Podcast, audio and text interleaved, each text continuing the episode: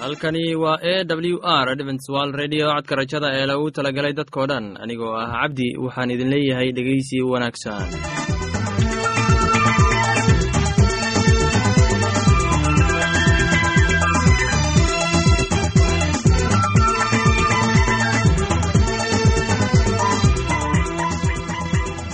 barnaamijyadeena maanta waa laba qaybood.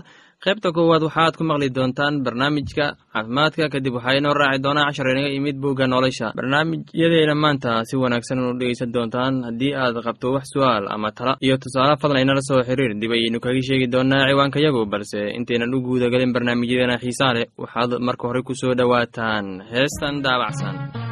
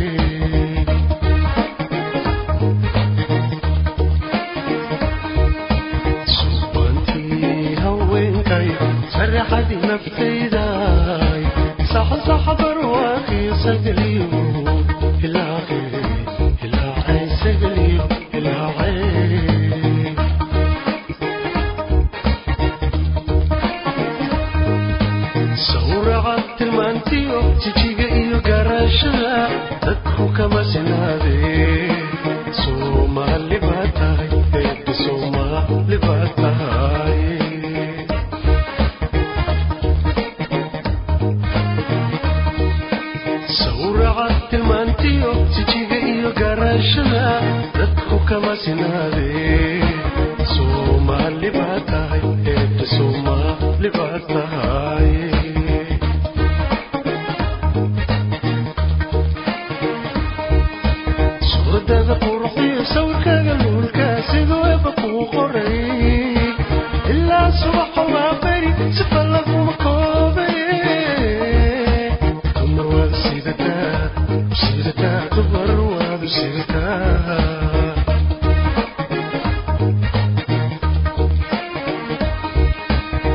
تذكر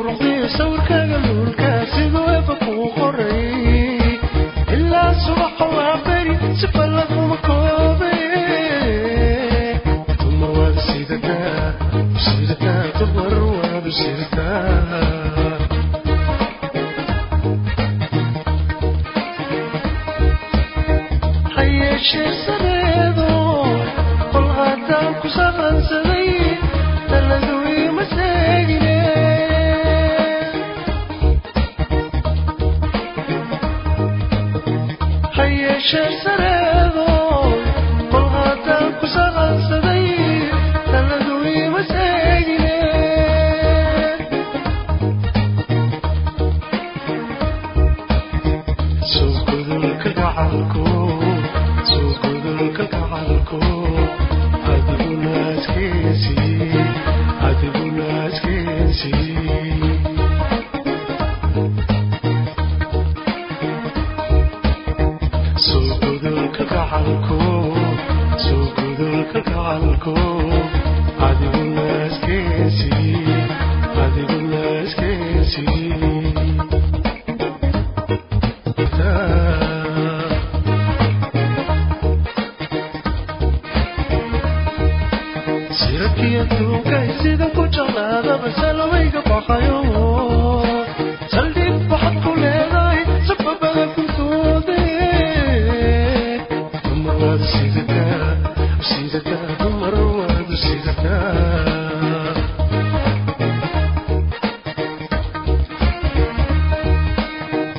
hayeeshee sareedo kol haddaan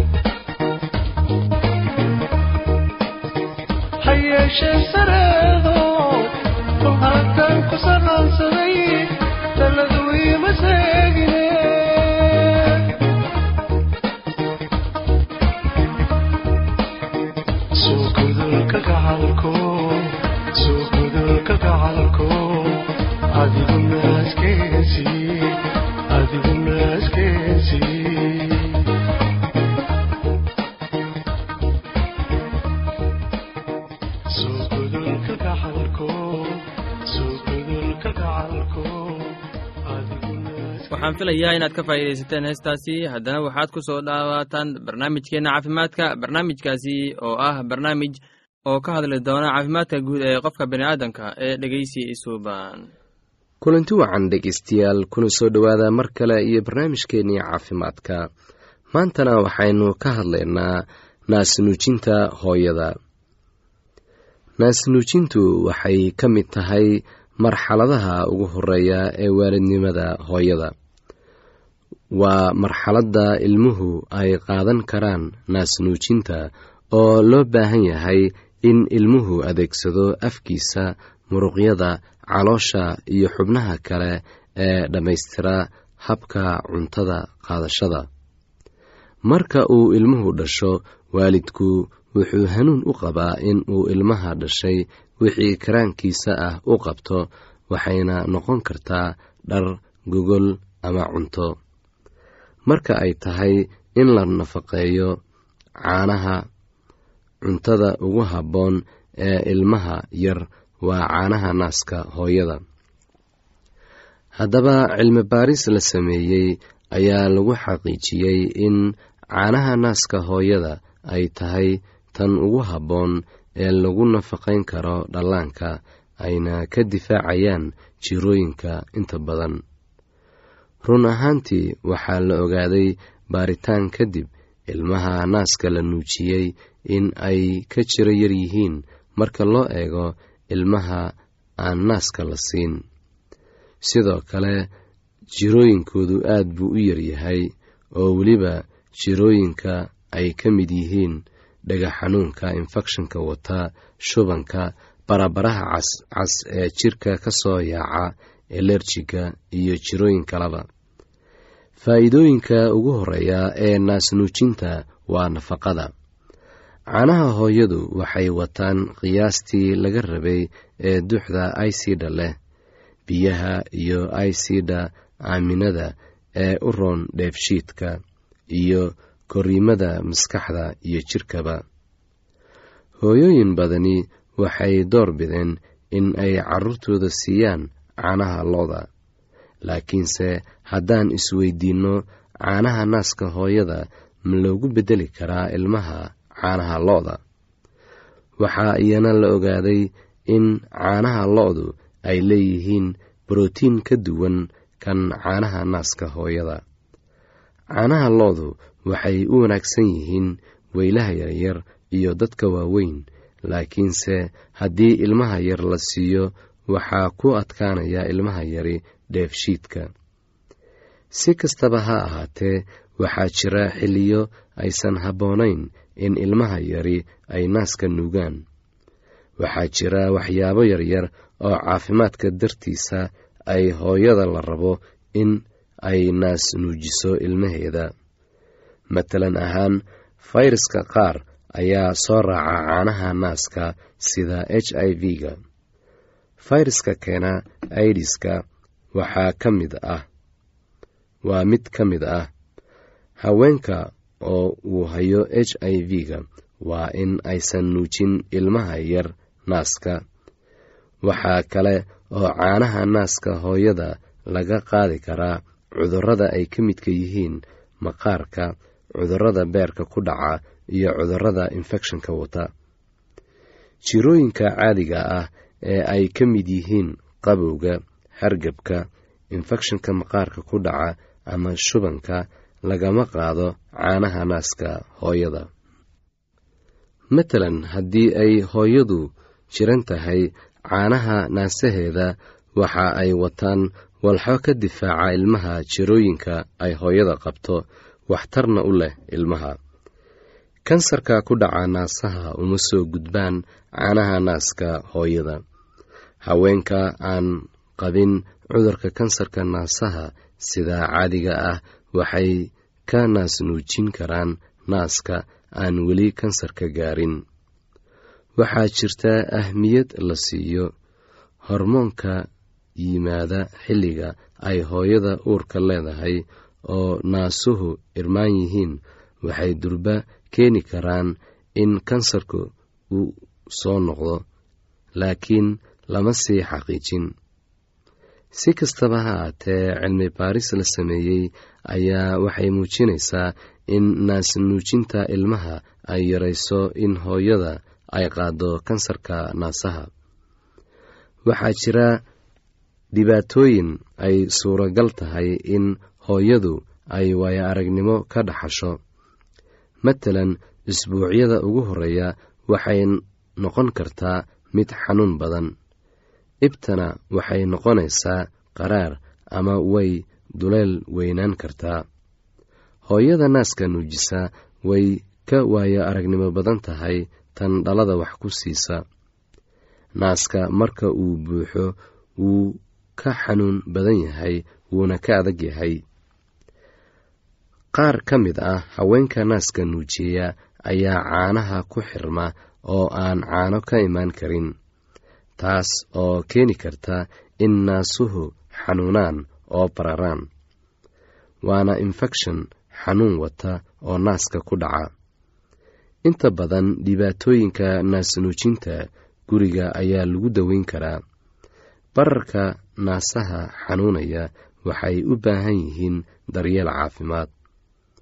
Dhibaatada kale ee naasnuujinta waxay saamaysaa gebi ahaanba nolosha haweeneyda haweeneyda ilmaha haysataa waa in ay labis gaar ah xirataa oo u sahli kara naasnuujinta. Looma baahna in ay qaadato dhar ku dheggan oo hadhow dhib ku noqonaysa in ay naaska nuujiso.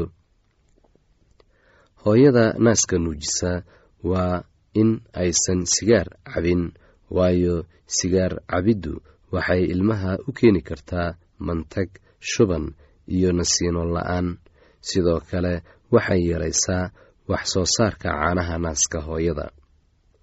Waxaa dhacdaa in dad badani ay sigaarka ku ag cabaan ilmaha yar. Inta badan aabbayaasha ama dadka qaraabada ah ayaa u badan in ay sigaarka ku ag cabaan carruurta. Arrintaasi waa mid khatar weyn ku ah ilmaha yar iyo hooyadaba haddaba waa in mudnaan gaar ah la siiyaa caafimaadka ilmaha yar iyo hooyada oo aan lagu ag cabin sigaar ama aan lagu ag isticmaalin wax balwad ah. Waxaa dhacdaa in hooyada ay ka xishooto qaraabada qaar marka ay guriga soo booqdaan oo ay sigaar ku cabaan. Taasi waa arrin aan loo baahnayn in ay hooyada yeesho waayo waxaa loo baahan yahay in ay runta u sheegto oo aan lagu agcabin sigaarka. Waxaan filayaa inaad ka faa'iidaysateen barnaamijkaasi. Haddaba haddii aad qabto wax su'aal ama talo iyo tusaale fadlan inala soo xiriir. Ciwaanka yagu waa codka rajada sanduuqa boosada afar laba laba todoba lix nairobi kenya. Mar labaad ciwaanka yagu waa codka rajada sanduuqa boosada afar laba laba todoba lix nairobi kenya. Imeilka yagu waa somali at a w r o r g. Mar labaad imeilka yagu waa somali at a w r o r g. Ama haddii aad inala soo xiriiri rabtaan barta emesonka ciwaanka yagu oo ah codka rajada at hotmail dot com. Mar labaad codka rajada at hotmail dot com. Ama barta internetka hoyga oo ah w w w dot codka rajada dot o r g. Waxaad ka akhrisan kartaan falasha meesha ku jiraan iyo wixii kaloo barnaamij oo aad u moodid in ay ku anfici karaan haddana waxaad ku soo dhowaataan heestan daabacsan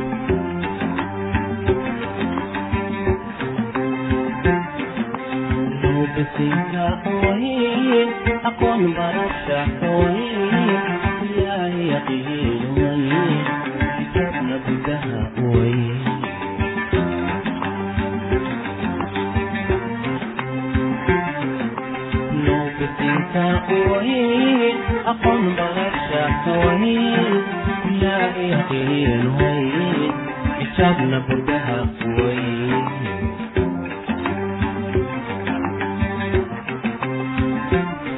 نقصيد ضربات هوا شحين قبيل ريبا تايبو بحيين تايبو بحيين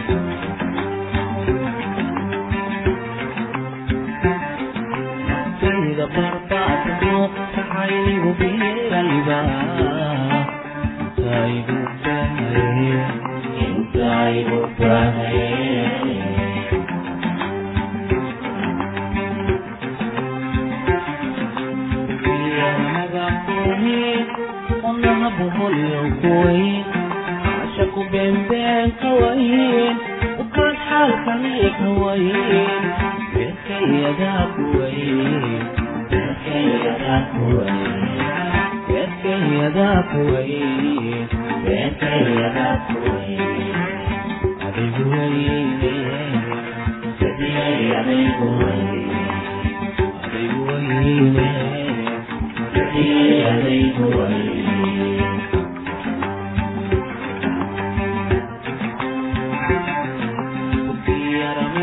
وين والنعب هو اليوم وين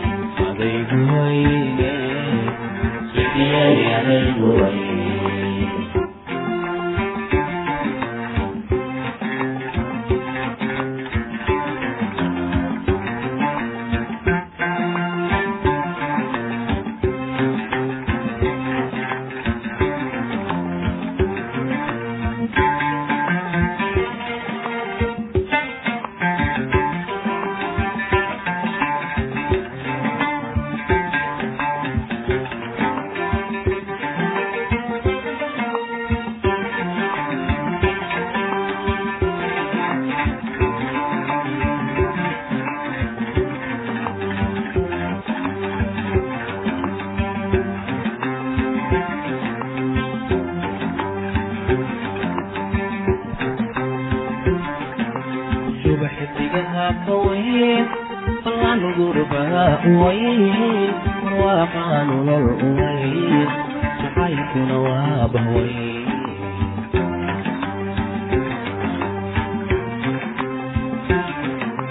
subaxdigaha kaweyl baqan gurbaa uweyl waaqa nolol uweyl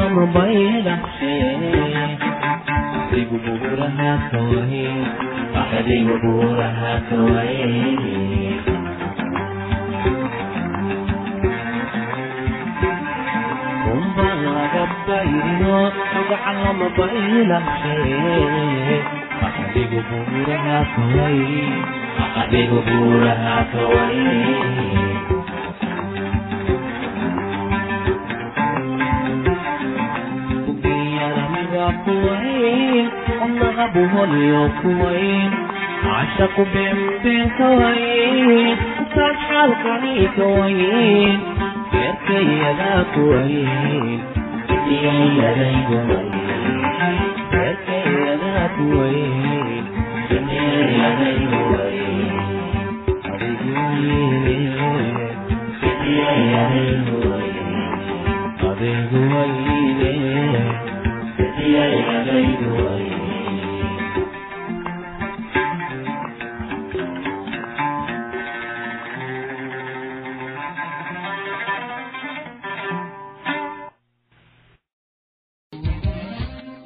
waxaan filayaa inaad ka faa'iidaysateen heestaasi. Haddana waxaad ku soo dhowaataan barnaamijkeenna kitaabka quduuska. Barnaamijkaasi waa barnaamij ee ku saabsan ereyada xikmada badan oo aan ka soo xulanay kitaabka quduuska ee dhegeysi wanaagsan. Sheem oo aabbo u ahaa carruurtii ceeber oo dhan oo ahaa yaafeed walaalkiisii weynaa. Isagana carruur buu carruur baa u dhalatay wiilashiisii sheemna waxay ahaayeen ceelaam iyo ashuur iyo arfakasad iyo luud iyo aram. Wiilashii aramna waxay ahaayeen cuus iyo xuul iyo geter iyo maash. Arfaksadna wuxuu dhalay saalax. Saalaxna wuxuu dhalay ceeber. Ceeberna waxaa u dhashay laba wiil. Mid magaciisa wuxuu ahaa feleg waayo waagiisii ayaa dhulka qaybsamay. Magaca walaalkiisna wuxuu ahaa yoqtaan. Yoqtaanna wuxuu dhalay almodaad iyo shelef iyo xaramwet iyo yera iyo hadoran iyo usaal iyo diqla iyo coobaal iyo abimael iyo sheba iyo ofer iyo xawila ee yoba kuwaasu kulli waxay ahaayeen wiilashii yokhtaan meeshay degganaayeenna waxay ku bilaabmaysay meesha marka loo kaco xagga sefaar buurta bari kuwanu waxay ahaayeen wiilashii sheem sidii qabiilooyinkoodii iyo afafkoodii iyo waddamadoodii iyo quruumahoodii ay ahaayeen. Kuwana waa qabiilooyinkii wiilashii nuux sidii farcankoodii iyo quruumahoodii ay ahaayeen. Oo kuwana quruumaha ka kala qaybsameen dadkii dabadiis.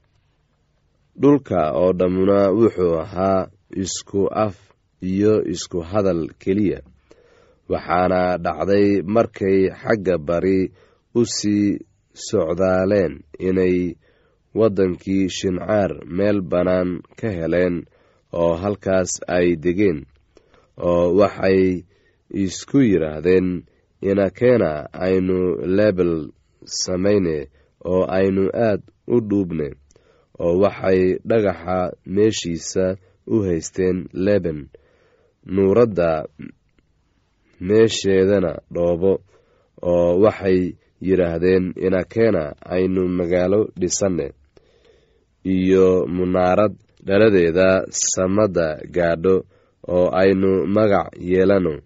Waaba intaasoo aynu dhulka dushiisa oo dhan ku kala firirnaaye.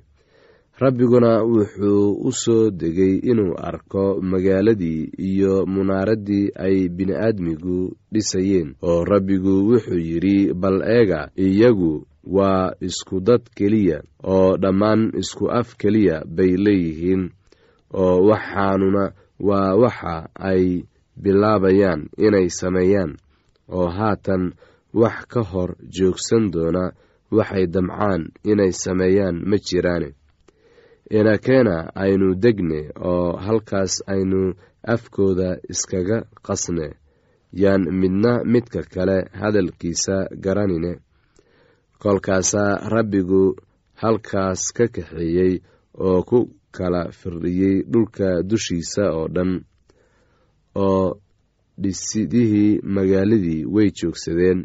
Sidaas daraaddeed magaceedii waxaa loo bixiyey baabel maxaa yeelay halkaasaa rabbigu afkii dhulka oo dhan iskaga qasay oo halkaasuu rabbigu ka kaxeeyey iyagii oo ku kala fardhiyey dhulka dushiisa oo dhan.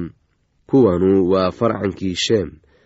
Sheem wuxuu jiray boqol sannadood oo laba sannadood oo daadkii ka dambaysay wuxuu dhalay arfaksad. Sheemna markuu arfaksad dhalay kadib wuxuu noolaa shan boqol oo sannadood wiilal iyo gabdhana wuu dhalay. Arfakshadna wuxuu jiray shan boqol iyo soddon sannadood wuxuuna dhalay saalax. Arfaksadna markuu saalax dhalay kadib wuxuu noolaa afar boqol iyo saddex sannadood wiilal iyo gabdhana wuu dhalay. Saalaxna wuxuu jiray soddon sannadood wuxuuna dhalay ceebar saalaxna markuu ceebar dhalay kadib wuxuu noolaa afar boqol iyo saddex sannadood wiilal iyo gabdhana wuu dhalay ceebarna wuxuu jiray afar iyo soddon sannadood wuxuu dhalay feleg ceebarna markuu feleg dhalay kadib wuxuu noolaa afar boqol oo iyo soddon sannadood wiilal iyo gabdhana wuu dhalay. Felegna wuxuu jiray soddon sannadood wuxuuna dhalay ruuca felegna markuu ruuco dhalay kadib wuxuu noolaa laba boqol iyo sagaal sannadood wiilal iyo gabdhana wuu dhalay ruucana wuxuu jiray laba iyo soddon sannadood wuxuuna dhalay seruug. Ruucana markuu seruug dhalay kadib wuxuu noolaa laba boqol iyo toddoba sannadood wiilal iyo gabdhana wuu dhalay. Seruugna wuxuu jiray soddon sannadood wuxuuna dhalay naxoor. Serugna markuu naxoor dhalay kadib wuxuu noolaa laba boqol oo sannadood wiilal iyo gabdhana wuu dhalay. Naxoorna wuxuu jiray sagaal iyo labaatan sannadood. Wuxuuna dhalay teerax naxoorna markuu teerax dhalay kadib wuxuu noolaa boqol iyo sagaal iyo toban sannadood. Wiilal iyo gabdhana wuu dhalay. Teeraxna wuxuu jiray toddobaatan sannadood wuxuuna dhalay abram iyo naxoor iyo haram kuwanu waa farcankii teerax teeraxna wuxuu dhalay abram iyo naxoor iyo haram. Haramna wuxuu dhalay luut. Casharkaasi inaga yimid bugga nolosha ayaynu ku soo gogobeyneynaa barnaamijyadeena maanta. Halkaad inagala socotaan waa laanta afka soomaaliga ee codka rajada ee loogu talagalay dadkao dhan. Haddaba haddii aad doonayso inaad wax ka faa'iidaysataan barnaamijka caafimaadka barnaamijka nolosha qoyska ama aad doonayso inaad wax ka warataan bugga nolosha fadlan inala soo xiriira ciwaanka yagu. Waa codka rajada sanduuqa boosada afar laba laba todoba lix nairobi kenya. Mar labaad ciwaanka yagu waa codka rajada sanduuqa boosada. Afar laba laba todoba lix nairobi kenya. Imeilka yagu waa somali at a w r o r j mar labaad imeilka yagu waa somali at a w r o r j haddii aad doonayso inaad inagala sheekaysataan barta emesonka ciwaanka yagu oo ah codka rajada oo hal eray ah codka rajada at hotmail dot com ama barta hoyga internetka ciwaanka yagu oo ah w w w dot codka rajada dot o r g dhegeystayaasheenna qiimaha iyo qadarinta mudanow barnaamijyadeena maanta waa naga intaas. Tan iyo intaynu hawada dib ugu kulmayno waxaan idin leeyahay sidaas iyo nabadgelyo